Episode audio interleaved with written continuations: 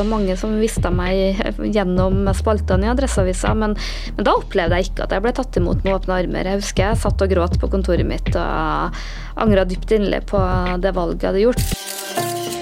Det er så elendig journalistikk at det nærmest burde ha gått inn i komibøkene. vet du. And I want you all to know that we are fighting the fake news. It's fake, phony, fake, fake.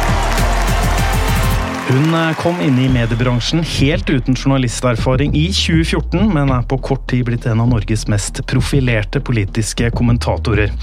I fjor meldte hun overgang fra Adresseavisa til VG, og eh, var bl.a. en av de mest brukte gjestene i Dagsnytt 18 i 2019. Velkommen til Pressepodden, Tone Sofie Aglen. Tusen takk. Mitt navn er Jan Magnus Weiberg Aurdal, og jeg er journalist i Medie24. Vi skal snakke mer med deg, Tone Sofie, om eh, overgangen fra Trondheim og møtet med Oslo-eliten, den litt uvanlige bakgrunnen din, og også tilstanden til den politiske journalistikken i Norge. Men aller først, her er noen ord fra våre annonsører. Pressepodden presenteres av Retriever, leverandør av medieovervåkning og medieanalyse, Kantar, landets største analysemiljø for medie- og forbrukervaner, og Medier24 Jobb, landets største portal for ledige stillinger i mediebransjen. Akkurat nå, Forsvarets forum søker ny ansvarlig redaktør. Les mer på medie24.no skråstrek stilling.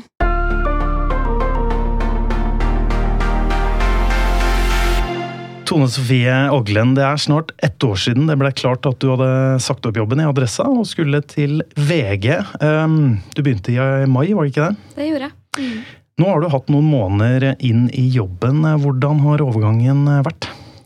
Nei, Jeg begynner vel å ha vært gjennom en del uh, faser. Fra liksom I starten så er du jo liksom så overvelda av uh, alt som er nytt og annerledes.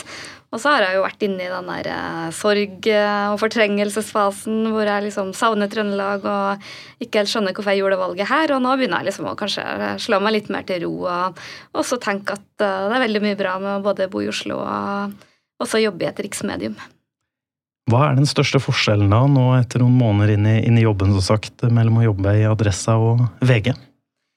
Nei, liksom, Det veldig positive med å jobbe i VG, det er jo å få jobbe i et mediehus som har eh, en sånn gjennomslagskraft, som er så god både på nyheter og også graving. Eh, nå ut så så tungt som du gjør. Eh, det er veldig gøy. Også det å ha et mediehus med mye ressurser i ryggen.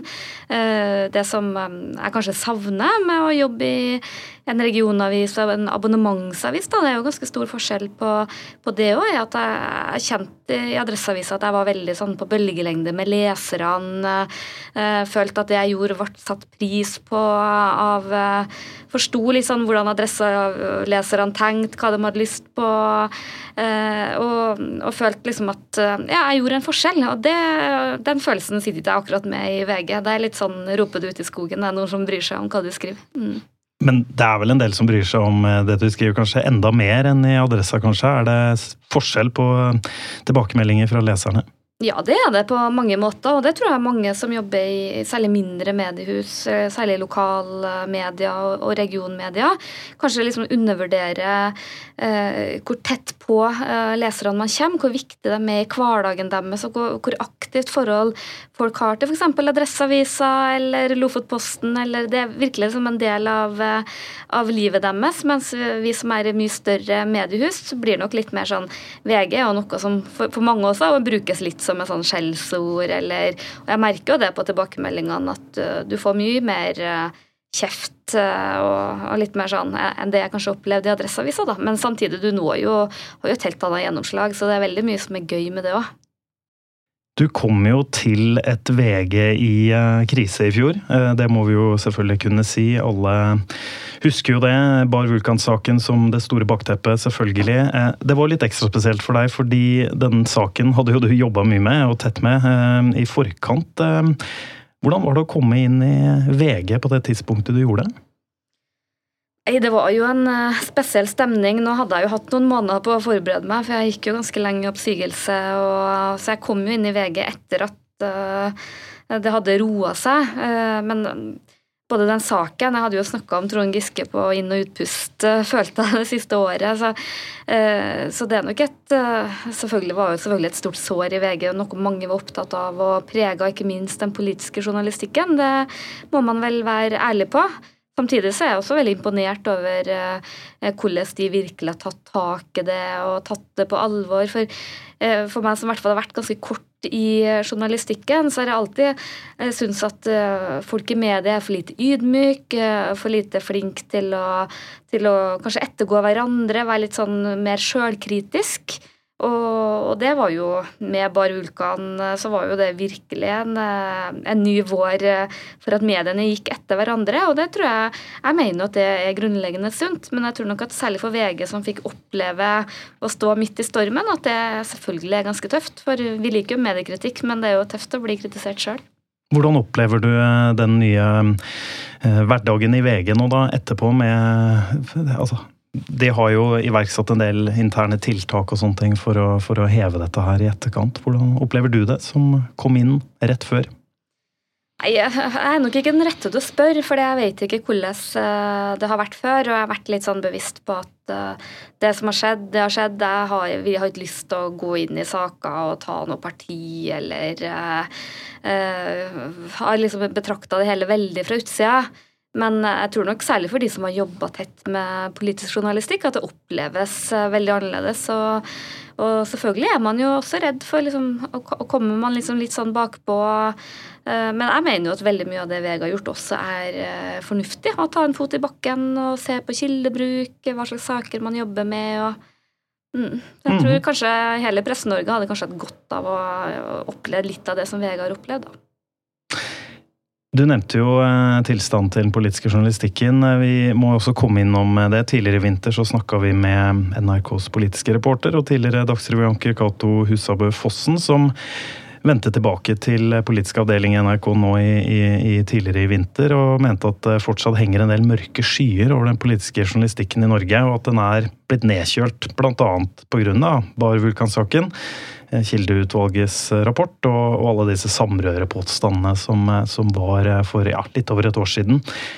Vi snakka også med din sjef i, i VG, politisk redaktør Hanne Skartveit. Hun er ikke enig i Fossen sine bekymringer. Hva tenker du? Nå, altså, i februar 2020? Nei, jeg er nok eh, Det er jo mange elementer av det, men jeg tror nok kanskje at man, eh, man passer seg for ikke å bli for eh, redd òg.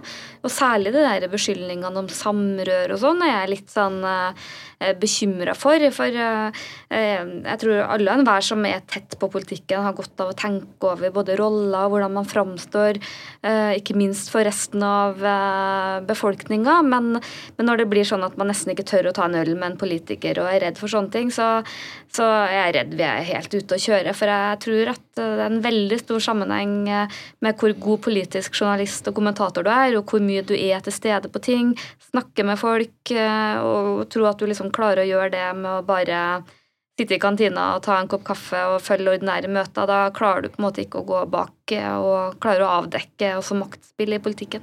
Mm. Um, men opplever du at den politiske journalistikken i VG er um, tilstand på den nå, da? Er det noe endring i, fra da du begynte f.eks. før sommeren i fjor? Nei, det var det jo ikke. For uh, da var jo på en måte Jeg skal ikke si at den lå nede, det gjorde den jo selvfølgelig ikke. Men det var jo flere som har vært ute, sant? flere har slutta. Så jeg vil jo kanskje si at det også er et uh, generasjonsskifte, hvor du har hatt folk som har jobba der i mange år, utarbeida veldig godt kildenettverk, eh, veldig erfarne, som nå er borte. Og selvfølgelig merkes det. Og så skal du få nye inn, som man trenger jo tid. Og ikke minst i politisk journalistikk så tror jeg det å ha mm, nettverk, eh, være mye ut og erfart en del. Samtidig så har jo også VG mange gamle erfarne som har en enorm kompetanse, som jeg syns er utrolig gøy å, å, få jobbe sammen med. Så sånn, på lengre sikt så er ikke jeg bekymra for, for VG.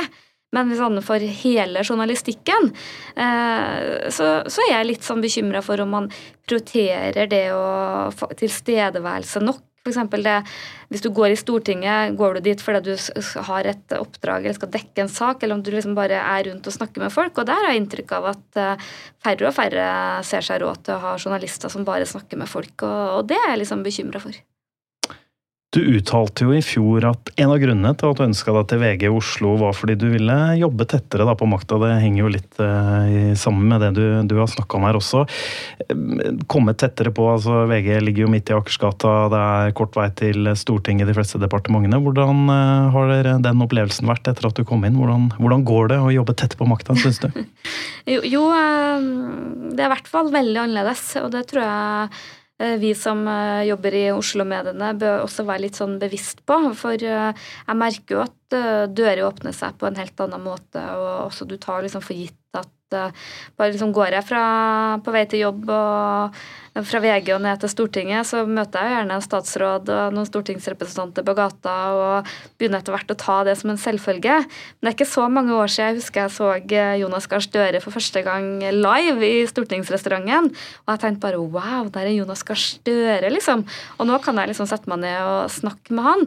Og for de aller, aller fleste i Norge, også i Medie-Norge, så, så er man ganske fjernt fra fra den her eh, både politiske eliten, men også økonomiske eliten, eller eh, kulturkjendiser og andre, som jeg tror du blir veldig vant til å, å, å, ha tett på deg i Oslo og liksom ta for gitt at, eh, at, at det er nærhet der, da. Mm. Er det, det, er kanskje ikke så mange journalister som Hvis du ikke har vært på Stortinget, eh, Du kommer jo veldig tett på. Er det mm. noe som kanskje overrasker, overrasker deg også? Hvor tilgjengelige og, og tett på faktisk journalistene kan være når du er der? Ja, nå har jeg jo drevet litt med journalistikk før jeg kom hit, så jeg ser jo det på landsmøter og sånn, og det tror jeg er veldig spesielt for Norge. Eh, men eh, jeg tror det er veldig særegent eh, den nærheten og, og, hvor lett det faktisk er å, å komme i snakk med en politiker, og hvor liten den avstanden egentlig er. Så, men jeg tror for mange i Norge som ikke, ikke ser det og, og, bruker tid eh, på de plassene, så tror jeg det oppleves veldig fjernt. Og, og det er ikke veldig lenge siden jeg sjøl var der. At det å liksom se en statsråd faktisk var litt sånn Jeg Ante ikke hva jeg skulle si til dem, og tenkte på det sånn litt sånn uh, ja, litt opphøyd og fjernt, da.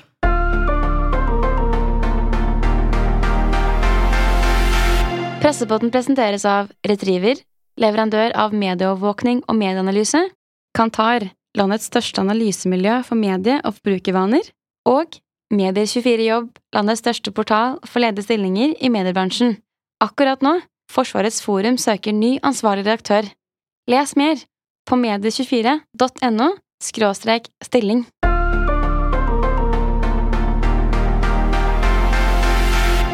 Og så, Tone Sofie, vi må snakke litt om Oslo-eliten, eller Oslo-boblen.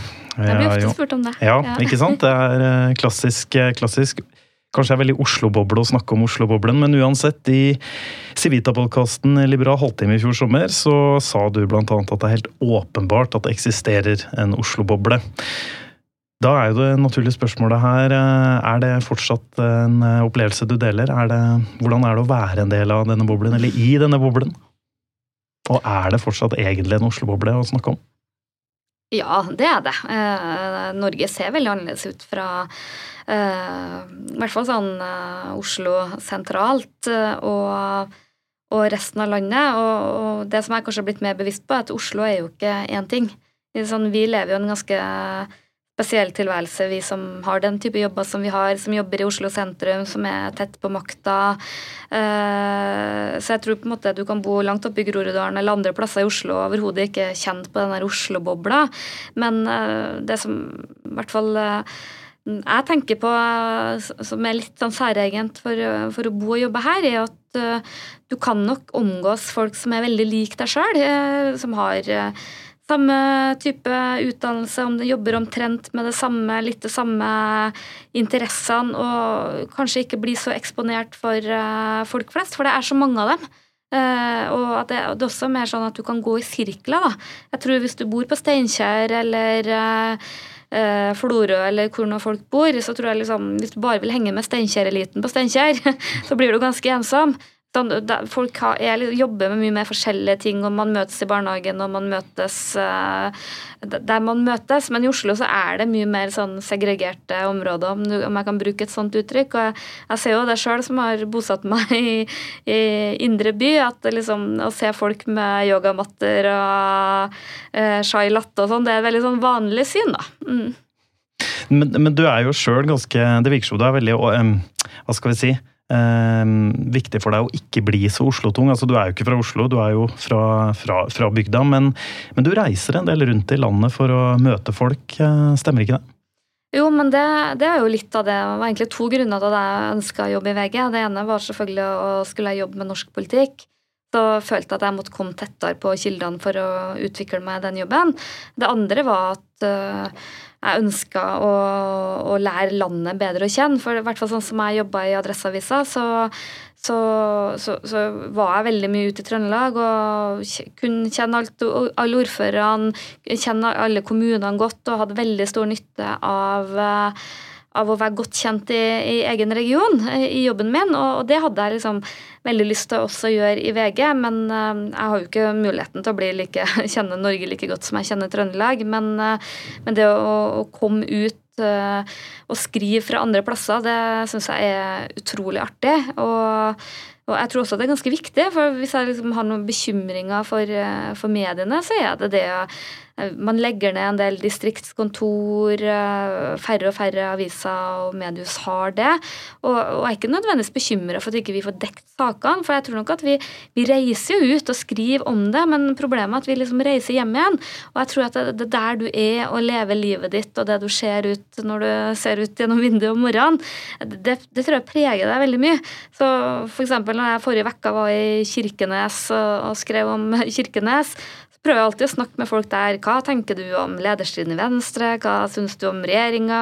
Hva syns du om Trond Giske? Eller, Alle de sakene jeg jobber med, prøver jeg på en måte å, å snakke med folk om der jeg er ute. Og det tror jeg er litt sånn lett å, å glemme det perspektivet.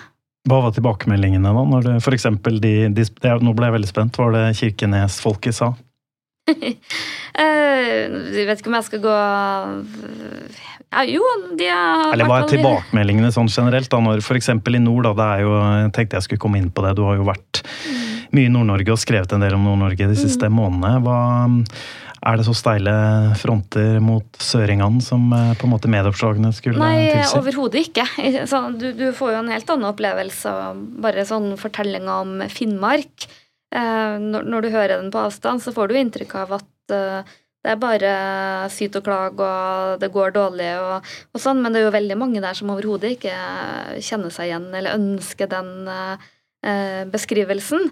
Eh, men eh, jeg tenker i hvert fall at det er utrolig viktig for meg å vite hva tenker Høyre-folk i Finnmark om Høyre i regjering? Er de fornøyd? Eh, I hvert fall som kommentator så gir det meg et mye bedre utgangspunkt for å, for å kommentere sakene. Og det, der er jeg jo superheldig som får lov å jobbe i VG, som har mye ressurser og kan prioritere det.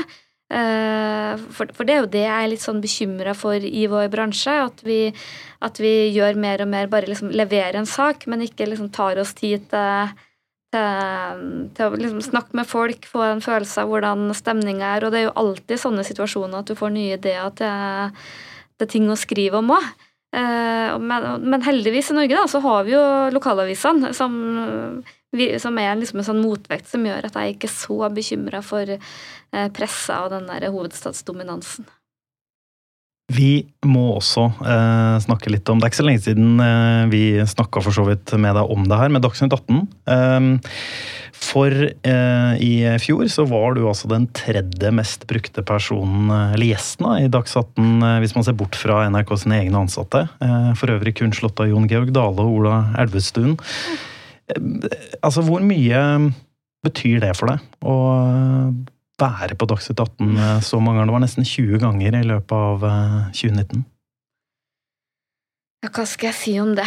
Nei, sånn, når jeg fikk eh, den jobben i Adresseavisa, når jeg ble politisk redaktør der, så var det et veldig sterkt ønske fra Adresseavisa om å, å bli mer synlig nasjonalt.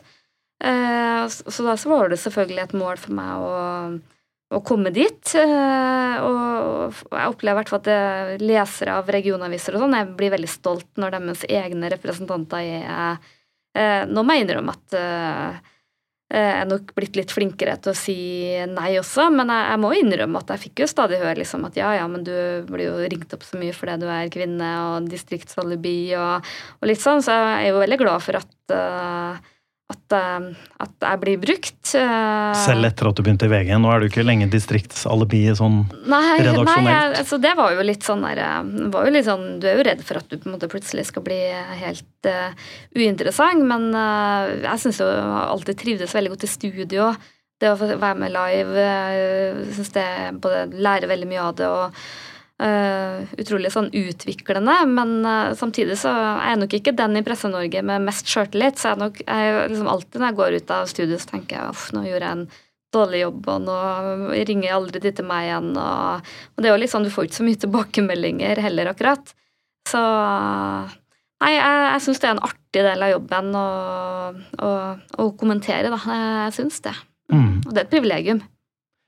En observasjon som, eh, som, henger litt sammen med det her, som jeg har gjort, er jo at du er veldig tydelig og konkret og forståelig når, du, eh, når, du, snakker, enten det er på TV eller radio eller, eller i skrev, altså sitater i, i skremform. Og, og, og, det er jo noe jeg tror alle journalister kan skrive under på, at de liker det å få sitatvennlige eh, sitatet, soundbites, klipp de kan bruke. Og jeg kan jo også si da for ordens at jeg har jo også intervjua deg som nyhetsjournalist før jeg begynte i Medie24, og, og, kan skrive inn på det. Hvor bevisst er du sjøl på det, å være konkret, forståelig, eh, pedagogisk, kan man kanskje si også? Mm. Jeg er i hvert fall uh, glad for å, for å, høre det. Uh, uh, før så jeg må innrømme at jeg har blitt litt mer erfaren etter hvert, men så var jeg alltid veldig opptatt av å forberede meg. For folk som bare kommer i studio og bare babler i vei, det syns jeg er veldig sånn respektløst. Så jeg har alltid vært sånn for, opptatt av at jeg skal kunne klare å si budskapet eh, ganske enkelt og, og greit. Og det, det, krever litt sånn eh, forarbeid, og etter hvert så blir du jo mer rutinert på det. Men, eh, men eh, det har alltid vært eh, ambisjonen min når jeg har skrevet. Så i Adresseavisa så hadde jeg alltid at jeg prøvde liksom å visualisere eh, leseren for meg. Så liksom for meg hun eh, på 68 år som har gått ut og henta avisa om morgenen og satt med kaffekoppen om morgenen og lest. Og jeg prøver liksom å tenke at jeg, at jeg skriver til den personen. For jeg er jo statsviter sjøl, og jeg kan jo egentlig være ganske nerdete hvis jeg vil det. Eh, men det er jo liksom bare å glede, glede liksom et eh, publikum som er ganske spesielt. Så jeg er nok opptatt av at det jeg skriver om skal, skal bli eh, lest og, og, forstått. Og så har det alltid vært en sånn ambisjon for meg å, å gjøre det som jeg sjøl syns er viktig. Eh, litt underholdende. Så Noen ganger får du høre at liksom, er så flåsete om politikk og sånn, men de som er veldig veldig interessert i politikk, det er jo ganske få. Så det, vi har en veldig utfordring med å klare å gjøre det interessant for flere, tenker jeg da, og ikke bare klage på at man er opptatt av klikk og alt det der. Du nevnte jo eh, statsviterbakgrunnen din der. Vi skal eh, avslutningsvis gå litt inn på det med bakgrunnen din. For som jeg nevnte innledningsvis her, du har en litt ganske uvanlig bakgrunn, da. Eh, og litt annerledes vei inn i pressebransjen solid og variert politisk erfaring. Du kan jo bare nevne her i fleng. ja. Eh, du var rådmann i, i, i Lofoten en periode. Kommunale kommunalråd og bystyremedlem i Trondheim. Eh, selvfølgelig da lokalpolitiker for SV, andre vara på Stortinget for SV. Og så brøt du med partiet og ble senere ordførerkandidat for Senterpartiet i Trondheim. Det var en lang liste. Ja, og det, jeg kunne sagt mer også. Du har eh, forskjellige styreverv osv. Men dette er jo en veldig uvanlig pressebakgrunn, som var inne på. Hva, du har sikkert fått dette spørsmålet før, men hva er det det har gitt deg i, i på en måte redaktør- og kommentatorjobben som du har hatt nå de, de, de siste årene? Er det på en måte den innsikten fra den andre siden som er nøkkelen? Jeg vet ikke akkurat det, da. Jeg tror i hvert fall ikke at det er noe ulempe. Eh, men jeg hadde jo en stor drøm om å bli kommentator og journalist Eh, og så uh, gjorde jeg ting i litt sånn annen rekkefølge og fikk barn veldig tidlig, som gjorde at jeg søkte inn på journalistutdanninga. Og, og, men så ble det for langt for meg å flytte alene med et lite barn. og alt det der, Så jeg, jeg la liksom det på hylla. Og så kom liksom lokalpolitikken og, og, tok meg. Så jeg tok egentlig og utvikla meg veldig sånn bort fra det som egentlig var drømmen min. Og så liksom det ene tar jo det andre. Eh, Eh, så jeg har jo gjort mye forskjellig annet. Jeg fant jo ganske fort ut at det var jo ikke politikken, men interessen for politikk som egentlig dreier meg. Men, men jeg, jeg, tror vel at det er dessverre en svakhet for eh, journalistikken i dag. At det er altfor få som har annen fagbakgrunn. Det tror jeg handler om at i mange år nå så har det vært så mye nedskjæringer og så på veier inn i journalistikken at det, det, er veldig få som gjør som meg og sier opp fast. Ja, når jeg begynte i Adressa, så hadde jeg jo direktørjobb i staten. Og, og sa opp den for ett års vikariat. Og det tror jeg veldig få gjør. Eh, og det tror jeg er litt sånn eh, synd, for jeg tror at det at du får flere inn også i journalistikken som har en annen yrkesbakgrunn, er sunt, da. Men da må man både tørre å, å ta sjansen, og sånn som journalistikken har vært de siste årene, så har det jo vært de som har vært unge og klamra seg litt fast og kunne hatt råd til å ha dårlig lønn og, og, og være frilanser og sånn, som har eh, fått de mulighetene. da. Jeg har lyst til å spørre deg, jeg leste noen tidligere intervjuer med deg, bl.a. i Medie24 for et par-tre år siden, hvor du sa det at nettopp denne litt uvanlige bakgrunnen gjorde at du ble møtt med litt skepsis og litt sånn mistro, nesten, eh, om at du ikke hadde på en måte noe å gjøre i, i, i, i mediebransjen. Møter du fortsatt sånne reaksjoner? F.eks. Sånn, det at du har hatt en ganske åpen partipolitisk tilhørighet tidligere, folk har lyst til å båsette deg og sånne ting, er det noe du opplever fortsatt, eller? Har du på en måte motbevist kritikerne, føler du? Nei, det politiske ble jeg veldig lite møtt med. Og opplever vel også at uh, i VG og sånn at jeg ble tatt imot med åpne armer. Men da jeg begynte i Adresseavisa, og da var det kanskje, kanskje, ikke så rart, for det var mange som visste meg gjennom spaltene i Adresseavisa, men, men, da opplevde jeg ikke at jeg ble tatt imot med åpne armer. Jeg husker jeg satt og gråt på kontoret mitt og angra dypt inderlig på det valget jeg hadde gjort. Eh, men det gikk seg jo veldig til. Og, eh, men eh, jeg følte jo da at, at, det ble sett på med litt sånn mistenksomhet å ha en sånn partipolitisk bakgrunn. Og jeg har jo alltid tenkt mange ganger at jeg syns kanskje de som ikke nødvendigvis har hatt en partipolitisk bakgrunn, kan være, ha mye mer sånn eh, sterke oppfatninger om saker enn det jeg f.eks. har, eh, og også mange andre som har en partibakgrunn. Og man blir kanskje også litt sånn at man man jobber ganske hardt for å motbevise det. Kanskje litt for hardt? Ja. Nei, men Siste spørsmålet til deg, Tone Sofie, før uh, vi skal avslutte presseboden i dag, er fordi uh, da vi snakka med deg i romjula da du, om Dagsnytt 18-opptredenene, så sa du at ditt nyttårsforsett for 2020 det var å skille bedre mellom jobb og fritid. Hvordan har det gått? Nei, det går jo ikke så veldig bra, det, da. Men jeg tror jo at skal du være god i den jobben her, uh, så tror jeg nok at jobben også må være litt livsstil. Men jeg må nok være litt flinkere til å si nei til ting og prioritere å komme, på trening en gang iblant. Og så, så er jo utfordringa, særlig for meg som ikke har et etablert nettverk fra før i, Oslo, så er det veldig lett at jobb og det som er fritid, også blir hengende litt i lag. Så, så jeg, jeg, tror jeg må fortsatt jobbe litt med det nyttårsforsettet, sånn som jeg alltid må med nyttårsforsett. Vi er i hvert fall veldig glad for at du takka ja til å bli med i Pressepodden, og det, det, var det vi fikk eh, tid til i dag. Takk for at du stilte opp, Tone Sofie Aglen, og lykke til videre med 2020. Tusen takk. Og takk til deg som lytta til Pressepodden fra Medier24. Redaksjonen den består av ansvarlig redaktør Erik Votland, redaksjonssjef Eira Lior, Ole Alexander Saue og meg, Jan Magnus Weiberg Aurdal. Vi er tilbake med en ny podkast neste uke. Vi høres igjen.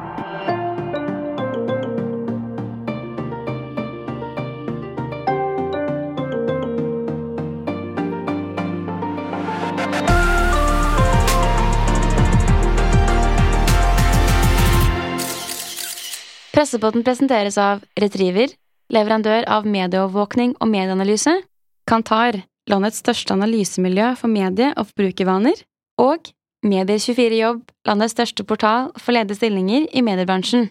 Akkurat nå, Forsvarets forum søker ny ansvarlig redaktør. Les mer på medie24.no – stilling.